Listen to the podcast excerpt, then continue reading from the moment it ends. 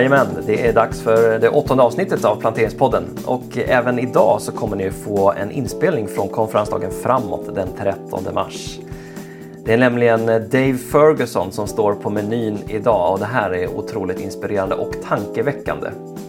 Dave Ferguson leder något som kallas New Thing och Exponential, två olika nätverk som tillsammans samlar hundratals nätverk för församlingsplanteringar. Så det här är en stor rörelse, både i USA men också som finns i Europa numera. Dave kommer att tala om multiplikation. Han talar om eh, att vara en hero maker, som också är en av hans böcker. Han har skrivit flera böcker, men Hero Maker är en av titlarna och det är den han utgår från idag. Han är från eh, Chicago, Illinois och jag har mött honom både i Kristiansand i Norge och i Berlin. Så lyssna noga på Dave Ferguson. Jag heter Niklas Mörling. Varmt välkommen.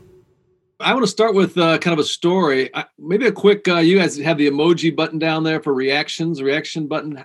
I'm just curious. Are you familiar? There we go. We got a thumbs up. I got a heart. Look at that. Are you familiar with the organization Habitat for Humanity? Is that familiar? It's very familiar in the United States. Some some people yes, some people no. It's an organization that helps build homes for people who don't have homes, for the homeless which is an issue in the United States and in, in, in, a lot of urban and even rural rural settings. And then they now started doing it around the world. And and I kind of asked that question because I had a I had a chance to have a meeting with a guy named Millard Fuller. And Millard Fuller was the founder of Habitat for Humanity, this organization. And it was down in a, in a small town in, in, in Georgia, Georgia, the state, not the country, of uh, Americus, Georgia.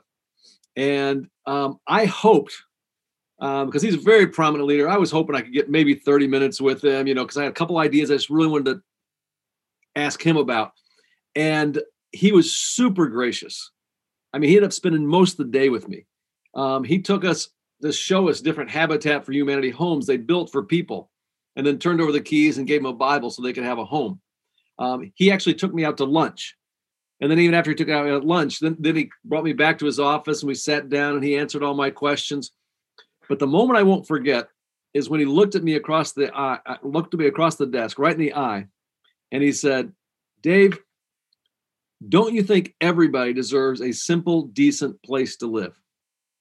And he said it with real, I mean, just real passion and conviction. Don't you think everybody deserves a simple, decent place to live? Now, there was no disputing the truth of his vision that yes, everybody deserved a simple, decent place to live. But how you could do that when there was at that point in time more than 100 million people you know around the world who, who don't have any shelter at all. I didn't have any idea how to do it. And so then fuller began to describe his strategy. And part of his strategy was this. He said i knew with a vision that big everybody have a simple decent place to live. I couldn't just be a carpenter by myself. I'd never get the job done.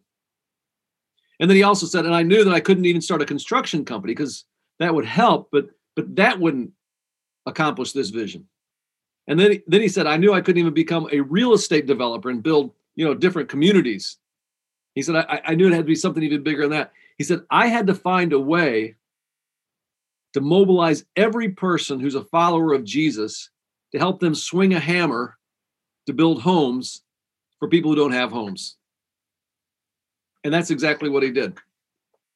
And what's fascinating, um, you, you could do a little research on it, um, but this Habitat for Humanity is now the largest home builder in the world, whether it's for profit or not for profit. Largest home builder in the entire world. In fact, they've helped build homes for more than 29 million people. 29 million people to have a simple, decent place to live. And it was kind of funny too. Uh, I remember him telling me, he said, Oh, and I think Habitat builds the best homes too.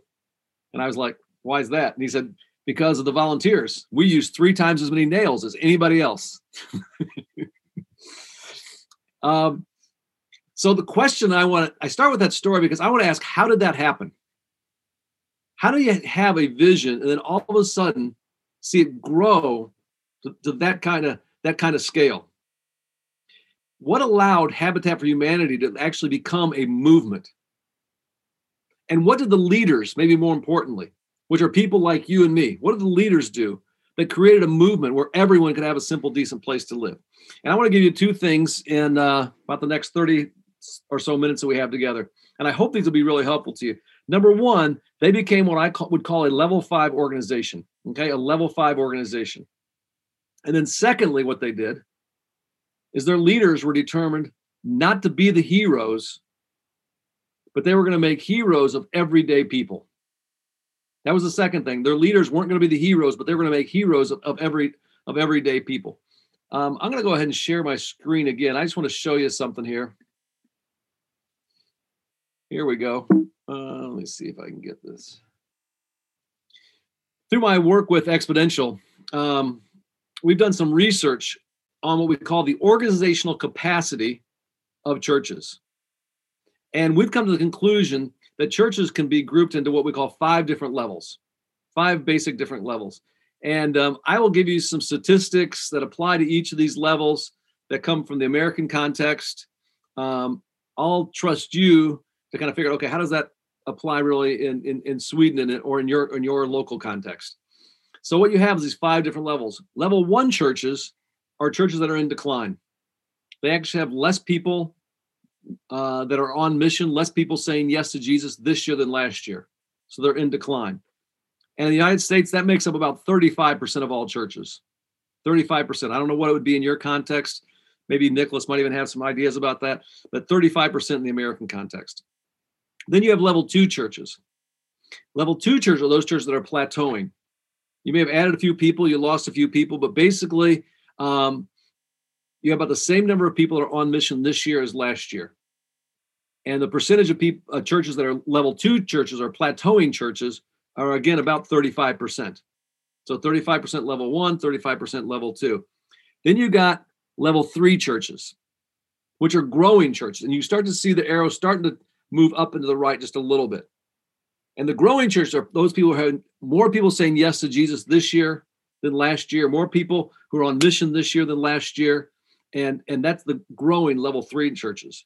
And the remainder of the 30% of the churches would fall into that category. So 35% decline, 35% plateauing, 30% growing. Now, most churches, and this is what's this is what I, I, I think is is part of why I'm excited about talking to you because I think you get this. Most churches only think in terms of how do I get to level three growing? That's kind of like the height. That's the pinnacle. That's the best we can do.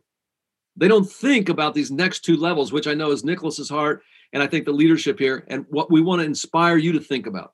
And that is to get to how do we get to level four reproducing or level five multiplying? And I think a little bit will explain. I think that's also consistent with Jesus' vision for the church. So, level four churches are those churches that are reproducing churches, churches that have ever started a brand new location or a brand new church. Those are reproducing churches. Now, in the United States, that makes up about 7% of all churches across all the country would fall into that category. So 7% of the other 100% are also reproducing churches. But I think God's dream for the church is level five multiplication. And level five is really how you get to movement. It's not just one church, but it's like four generations, like Second Timothy 2 2 of church plant, or Acts 1 8, you know, from Jerusalem, Judea, Samaria, the ends of the earth, movement making churches. And I think one of the things as I look back at Habitat for Humanity, that opening example, what they focused on was on multiplication. And that was the vision. And I want to challenge you to do the same thing. Now, as we began to look at level five churches, both in the United States, and there's only a handful, but also other places around the world, one of the things we began to zero in on was the leadership of a level five church.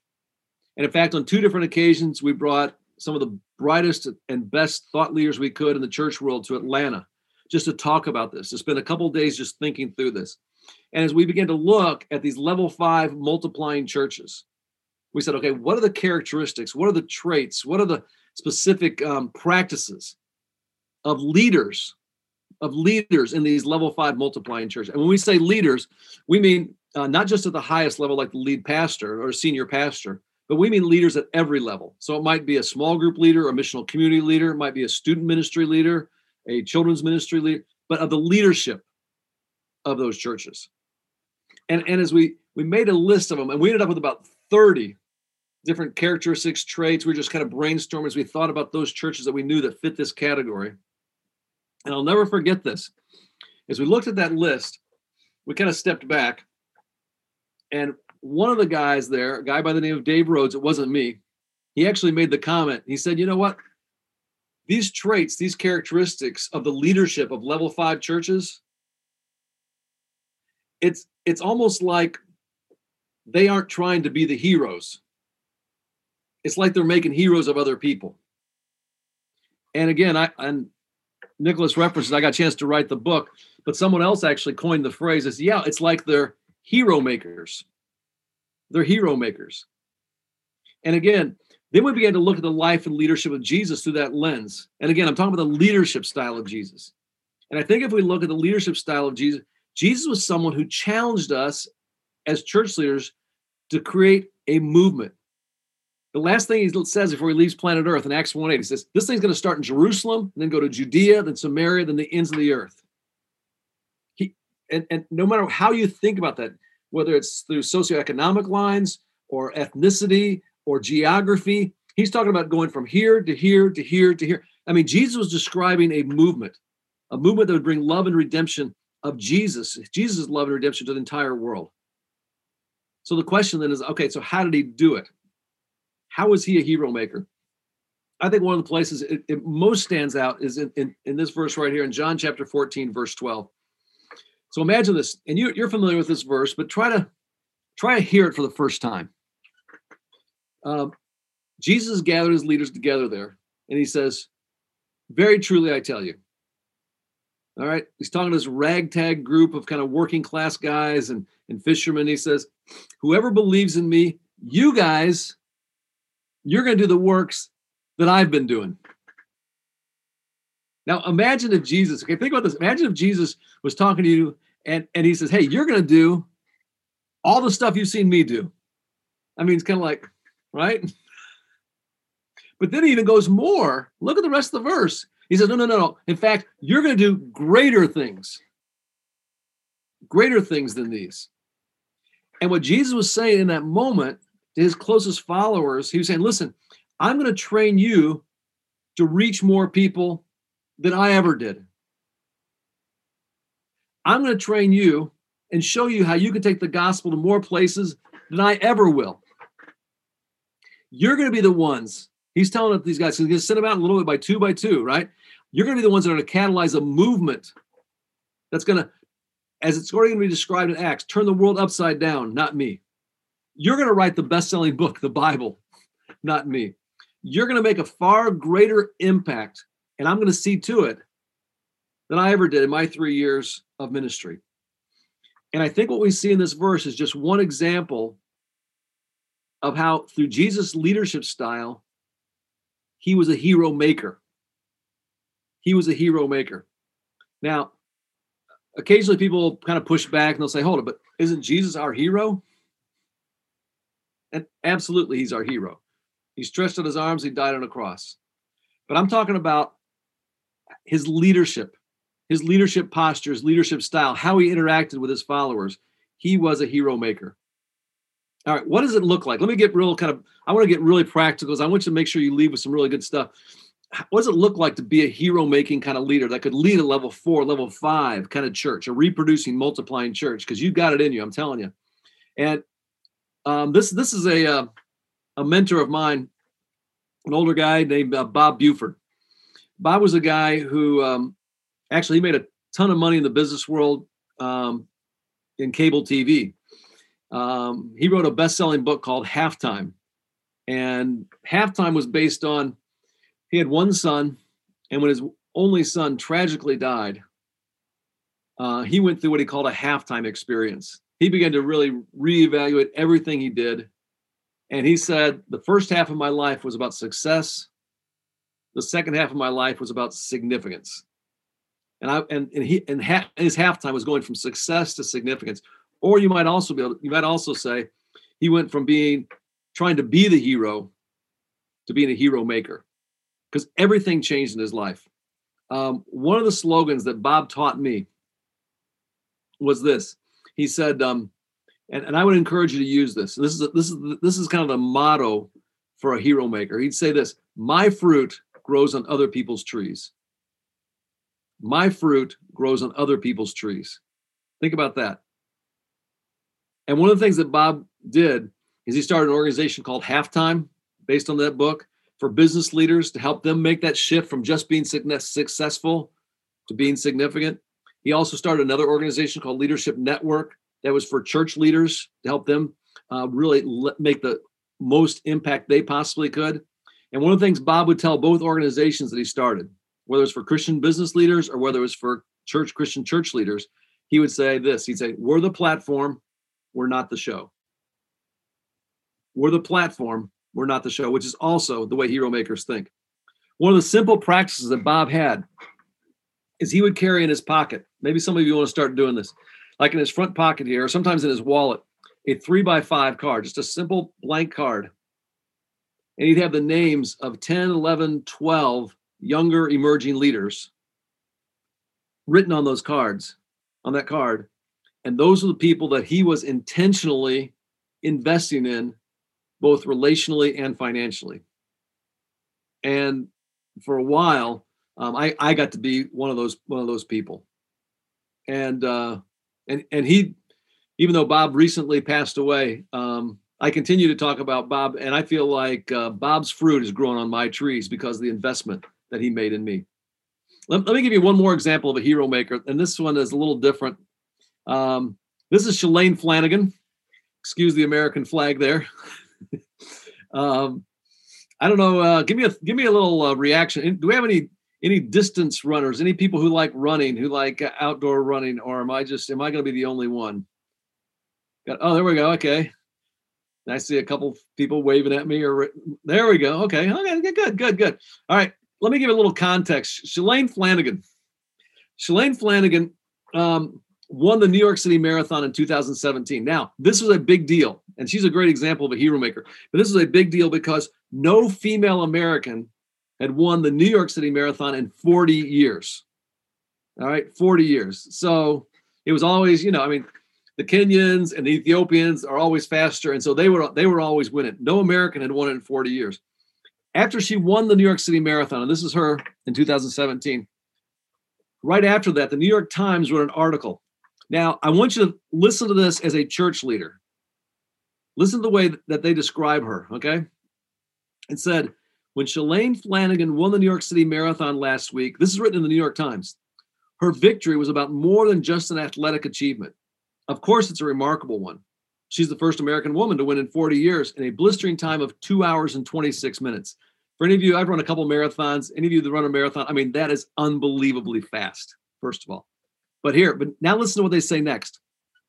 Perhaps Shalane Flanagan's bigger accomplishment, though, lies in how she nurtures and promotes the rising talent around her.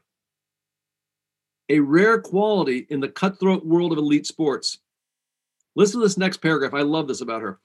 Every single one of her training partners, all 11 women in total on Team Nike, have made it to the Olympics while training with her. An extraordinary feat. I mean, imagine that, Nicholas. Imagine if if if everybody who just got close to you became an Olympian.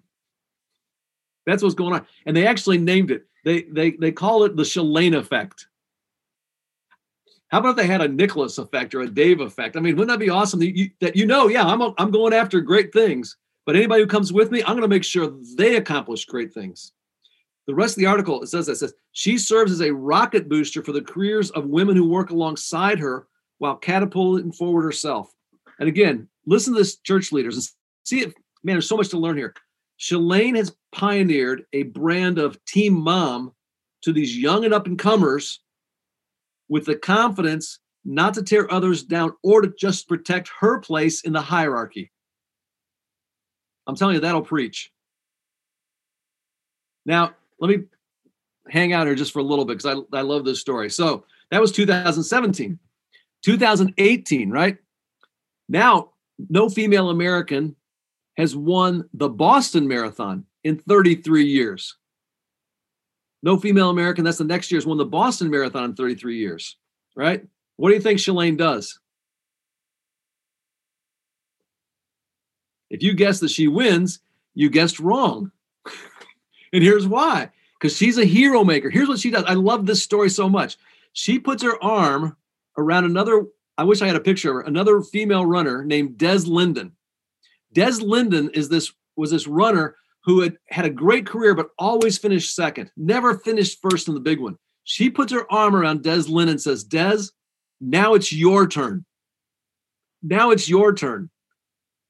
It is the worst weather. It's raining, it's cold, it's windy, it's the worst conditions ever in Boston Marathon history. They run together. Go Google this if you want. They run together, so much so they actually both stop and go to the bathroom together. But they make they run the whole thing together. Flanagan supporting her, and Des Linden, after Lane telling her, Des Linden wins and becomes the first female American to win the Boston Marathon in 33 years. Now, this becomes kind of a big deal in the, in the States.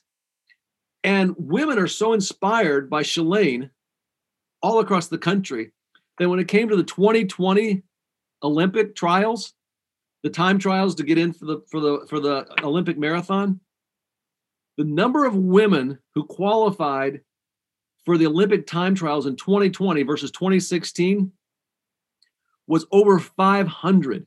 It was it was four times as many, four times as many in 2020 as 2016. And when they asked the running community, why are so many women suddenly running marathons at such a high rate and doing so well? They all said it's the Shalane effect. And what I love about and and and it's not a surprise. You know? She recently retired, and guess what she's doing? She's coaching other runners. And I and I I haven't met Shalane yet. I tell this story all over the world. I'm gonna meet her.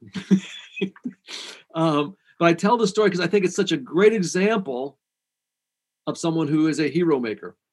All right, I got a little excited about that. Now let's go back to the church world specifically. All right, and um, the key question that you need to ask yourself if you want to become the leader of a level four, level five church or an organization is this question Am I trying to be the hero? Where the spotlight's always on me? Where I'm always the one on the platform? Or am I trying to make heroes of others? Am I trying to make heroes of others? Where my fruit grows on other people's trees. I'm nurturing and uh, developing the rising talent around me. I create platforms, I let other people stand on them. Um, this slide right here, if you want, I mean, actually, if you want, you can just take a picture of this slide and then you don't have to even buy the book because this, this, because what we did is we took, there you I see some people taking their phone out. You're going to save some money. That's good. Um, we took, that's good. Go ahead and please take it. Yeah.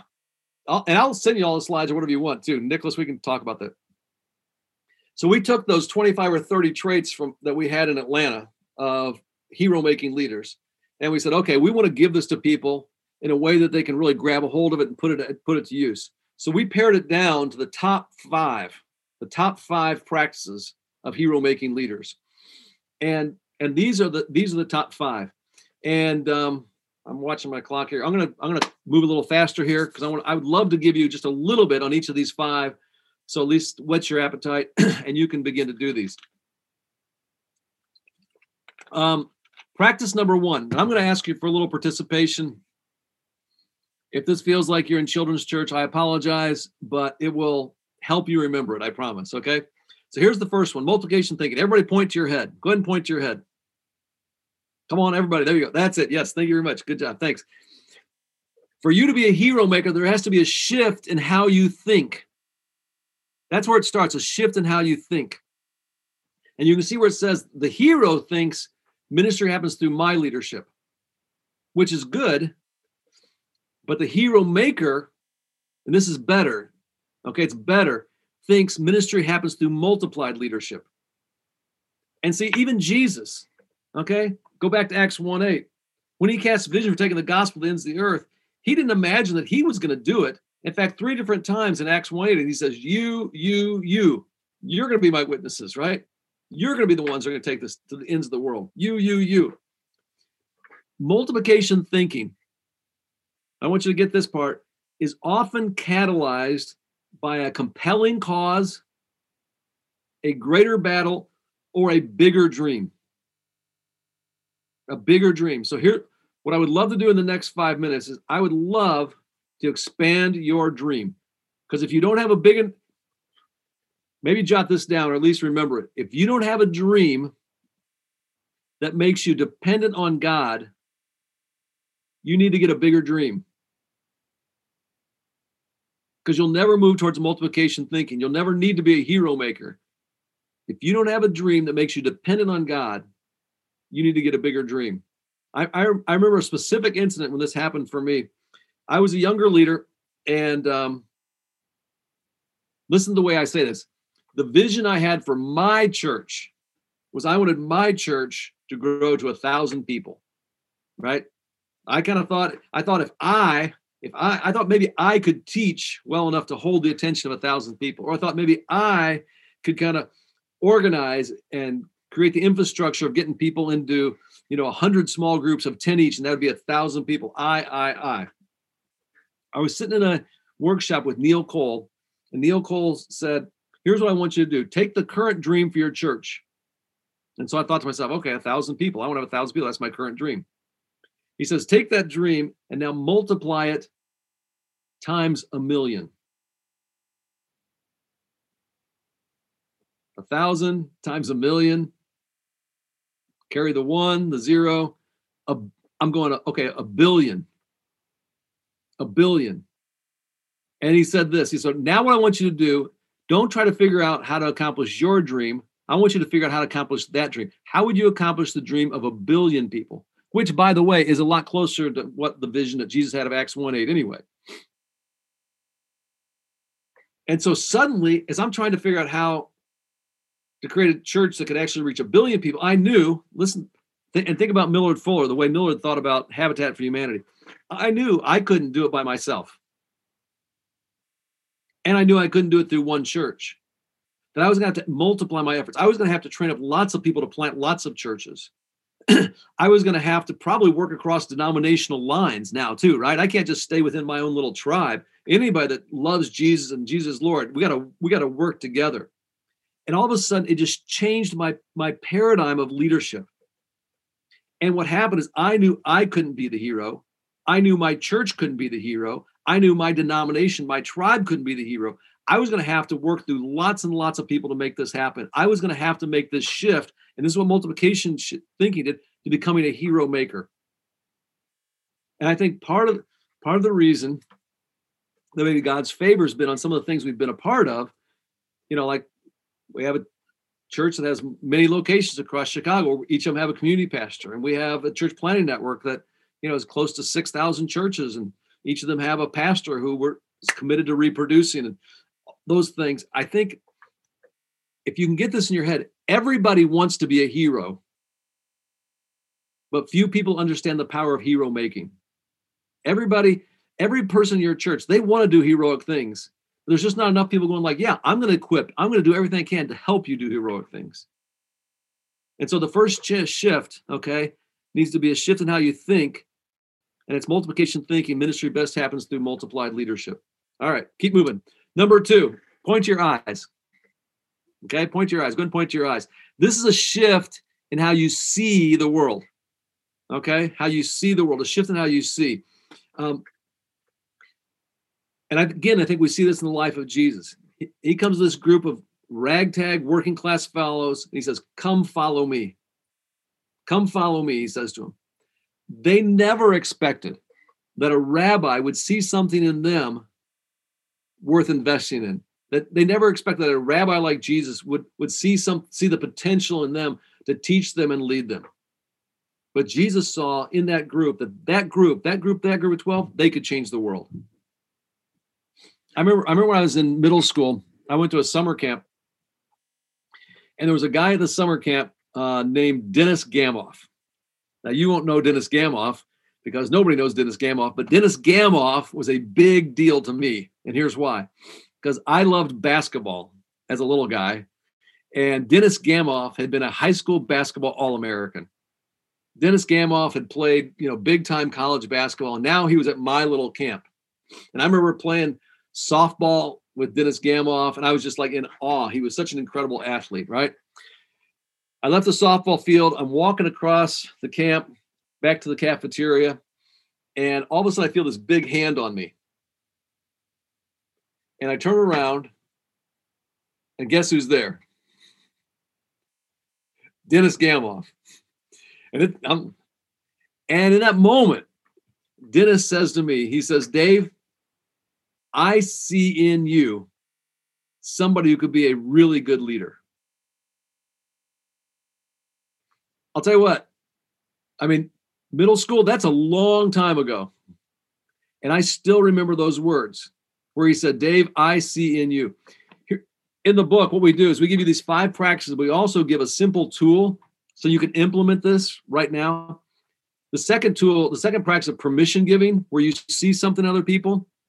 Here's here's the in the English alphabet, the four most important letters of the English leadership alphabet are these: I, C, in you.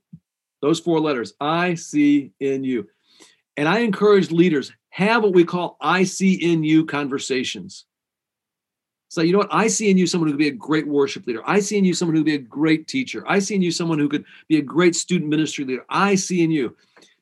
And chances are the reason that you're on this call is because somewhere at some time, somebody had that kind of a conversation with you.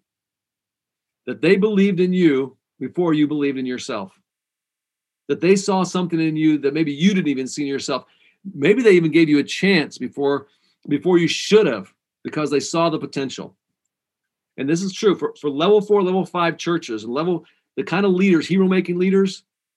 Instead of just saying, I want to see what God can do through my own leadership, look at that hero maker. It says, I see what God can do through others, and I let them know, I let them know what I see in them. All right. Practice number three. So there's multiplication thinking, permission giving. Put your hand on your heart. Put your hand on your heart. Okay. The third shift is you shift to what you share. Instead of just sharing what you know, now this is the difference in hero making leaders. Heroes will share what I learned to add more followers, but hero makers, they share. I, w- I would change that even now. I think I'd change it. They would share their life, their life to multiply disciples up to the fourth generation. They share their life up to, to multiply disciples up to the fourth generation. And again, we see this in the life of Jesus. Jesus spent three years with primarily 12 people. And if you think about the Gospels, think about the Gospels. Let me ask you this Do you envision Jesus mostly spending his time with the crowds and the masses, like the Sermon on the Mount, and the feeding the 5,000? Or do you envision him spending time with just the 12, the few, the disciples? We actually went back and did kind of homework on this.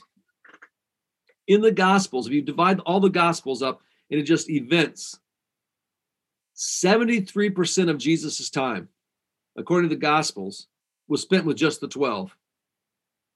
And 27% was with the crowds. And when and you think about think about that now, how we do church. Most of what we do is we spend all of our energy getting ready for the crowd on Sunday, right? Where Jesus, it was about a fourth of his time, but three fourths of his time was invested in the few. And I think that's what it takes to be a hero maker.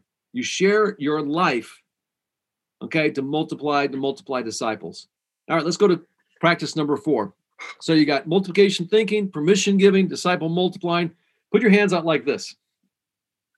Very good. Now the hero, and again, you look at that column where it says hero, that's a good thing. It's just not a great thing. The hero says, God bless the use of my gifts. But the hero maker, and there's a I think there's a maturing that has to take place before you get to be a hero maker. You do this. I ask God to bless the leaders I'm sending out. Instead of just blessing me, no, I'm blessing the leaders that I'm sending out. And that's exactly what we see in Matthew 28. Jesus spends three years, right? He's got this multiplication thinking in Acts 1 8, the permission giving, hey, come follow me, disciple multiplying. He's hanging out with them, right? And then when they're ready after three years, what does he do in Matthew 28? He says, All authority has been given to me. Now I'm giving it to you. You go. And he sends them out. It's like it's the great commissioning. Go get them. And so that's he's fully activating their gifts. Um, I remember when I was in uh, in Nairobi at um, uh, Nairobi Chapel with, with Bishop Oscar Muriu. He asked me to come, and he's a part of a new thing, and I was speaking. But before I got up to speak, Bishop Oscar invited 31 men and women to come to the stage um, and I didn't know what was going on. At first, I thought it was like the choir, but it wasn't the choir. This was 31 men and women who'd gone through their Canara leadership program, who'd been apprenticed by other people, other church leaders, and they were getting ready to commission all of them and send them out to plant churches in Kibera, down the, the slums of, of Nairobi. And it was such a tremendous experience. I'd never seen that many church planters commissioned all at once. But 31 men and women, and pa- Pastor Oscar explains to everybody that they were been, they've been trained, and now they were commissioning them to go plant churches. And he reaches out his hand like this, and he asks everybody in the church to reach out their hand. He says a prayer of blessing over them, and they commission them. And that Sunday, they sent them out. And here, and I want you to look at these practices because what they do is they actually build on each other. The first one is you're thinking differently, you got a bigger dream. The second one is you look out in your church and you go like, "Wow, these people have potential. I see in you." Ephesians 2 in Ephesians 2:10 calling. And then you you find ways to begin to spend time with them and other people to spend time with them to develop their gifts, just like Jesus did for those three years. And then the fourth one, this gift activating, and this is where we get it wrong sometimes. They are not there to be your perpetual assistant. They're not there to be your associate forever. They're not there to be just your right hand person. No, your job is to fully activate their gifts. And when they're ready to go lead a ministry, to go lead a church, to go whatever it is that they can do to further the kingdom, you bless them and you trust God to send somebody else to replace them and raise them up. You fully activate their gifts, you commission, you send them out. And I could talk more about that, but I'll give you the last one. The last one is this is kingdom building. So you got multiplication thinking, permission giving, disciple multiplying, gift activating, right? Not just bless me, bless others, do like this with your hands, like you're counting. This is the last one, okay? This is kingdom building. When it's all done, and this is another big shift, and this is how you move from what I call level three, that level three kind of church, to a level four or five. Instead of the hero wants to count the number of people who show up to my thing. How many people came to my student ministry? How many people came to my small group? How many people attend my church? That's not bad. It's just hero kind of thinking. But the hero maker, here's how you count a change in the scoreboard. You count the leaders instead who you send out to do God's thing. You count the number of leaders you send out to do God God's thing. I mean, think about Jesus. After he sent out his 12 disciples, I mean, he had nobody in his small group. I mean, if, if the way we count, that would be like, oh man, I'm a failure. No, that's not a failure. That's that's the that's what we're supposed to be doing. I, I I'll wrap up with this story, and then we can do a little bit of questions if we have time. I remember I was uh, I looked at my calendar and my schedule, and it said I had a meeting with a guy named Sam. I didn't know who Sam was. So I asked my assistant Pat, I said, Hey Pat, who's Sam I'm supposed to be meeting with? And she said, um, truthfully, I don't know. He I know it's a guy from India, and actually he's already here. He's downstairs waiting on you. And I was a little bit aggravated because my assistant Pat, she makes my schedule. I'm like, how how come I have an appointment with somebody and you don't even know who it is? But she's a tough lady, and she's like, Well, he's here, so you better get down there and go talk to him. so it's like, all right. So I go downstairs, uh, put my hand out. You know, you know, pastors, you put on your happy face, going like, "Hey, Sam, how you doing? Tell me your story." And uh, so Sam starts telling me his story, and he's super humble guy. And he said, "Well, he said um, back in the '60s, my dad started a church planting ministry in India, and from the mid '60s to about 1992, they planted um, 200 churches. And I was like, wow, 200 churches. That's awesome. So now I'm like glad I'm meeting meeting Sam, right? I mean, that's spectacular. And again, he's super humble guy. So I'm gonna have to drag every detail. I said, well, what happened after in 92? He said, well, actually in 92, he said, um, I was over my mom and dad's house. We are having a really good time together as a family. My mom went to bed. My dad and I stayed up late in the night talking. He said the last thing I said to my dad before um, he went to bed. Don't know. The last thing my dad said to me, rather, Sam told me before he went to bed. I left. He said, "Son, whatever you do, don't lose the vision. Don't lose the vision." And uh, I took off, and my dad actually got very sick that night. In fact, so sick they had to take him to the hospital. And they took him to the hospital. Uh, he went into a coma, and he actually never came out of it, and he died. And so the last thing my dad said to me was, "Son, don't lose the vision." So I ended up taking over the ministry back in the in the early '90s, and um, I began to do um, a few things a little differently.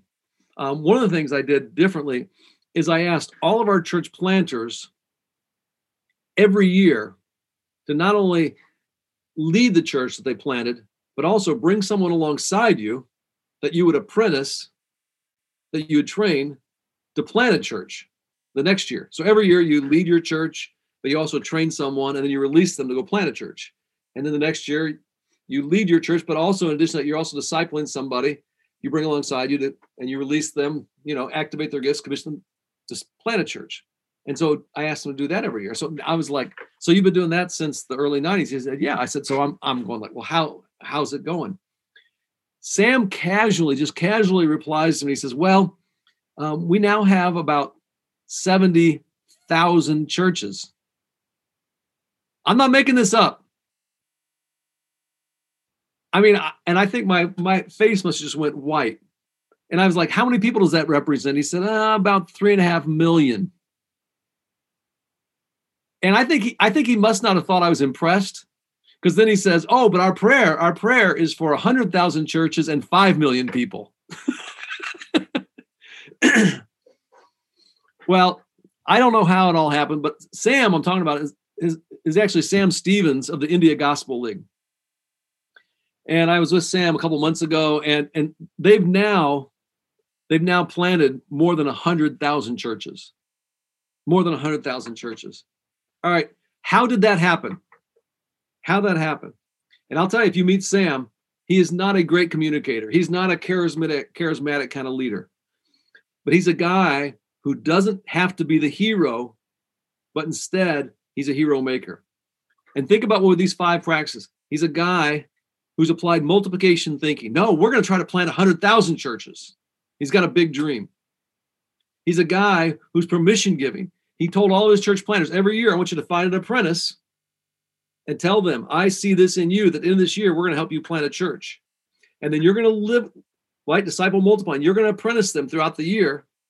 And they're not going to just be your associate. They're not just your right hand person. They're not just your assistant. But at the end of that year, then you're going to fully activate their gifts to go start help them go start a brand new church. And you think about kingdom building, when I asked Sam, so how's it going? He didn't tell me how many people were in his church. In fact, Sam, if he he probably leads a very small church, relatively speaking.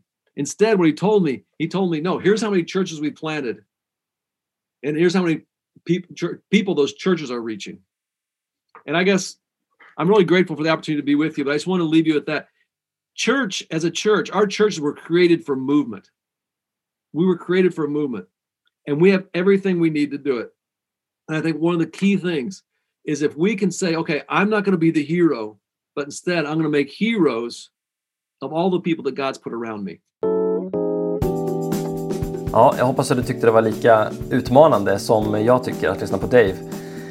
Ehm, om du tycker att det här är bra så dela gärna med dig av podden på sociala medier och sprid den till människor som eh, kan vara intresserade av att höra mer av de andra avsnitten och detta. Vi finns på Instagram plantering.se och på webben plantering.se. Hör av dig med berättelser och stories. Vad, vad, tänker du när du hör den här undervisningen? Det vill vi jättegärna höra mer om. Så snart kommer det fler undervisningar från framåt den 13 mars. Håll utkik efter dem. Till dess, var rädd om dig.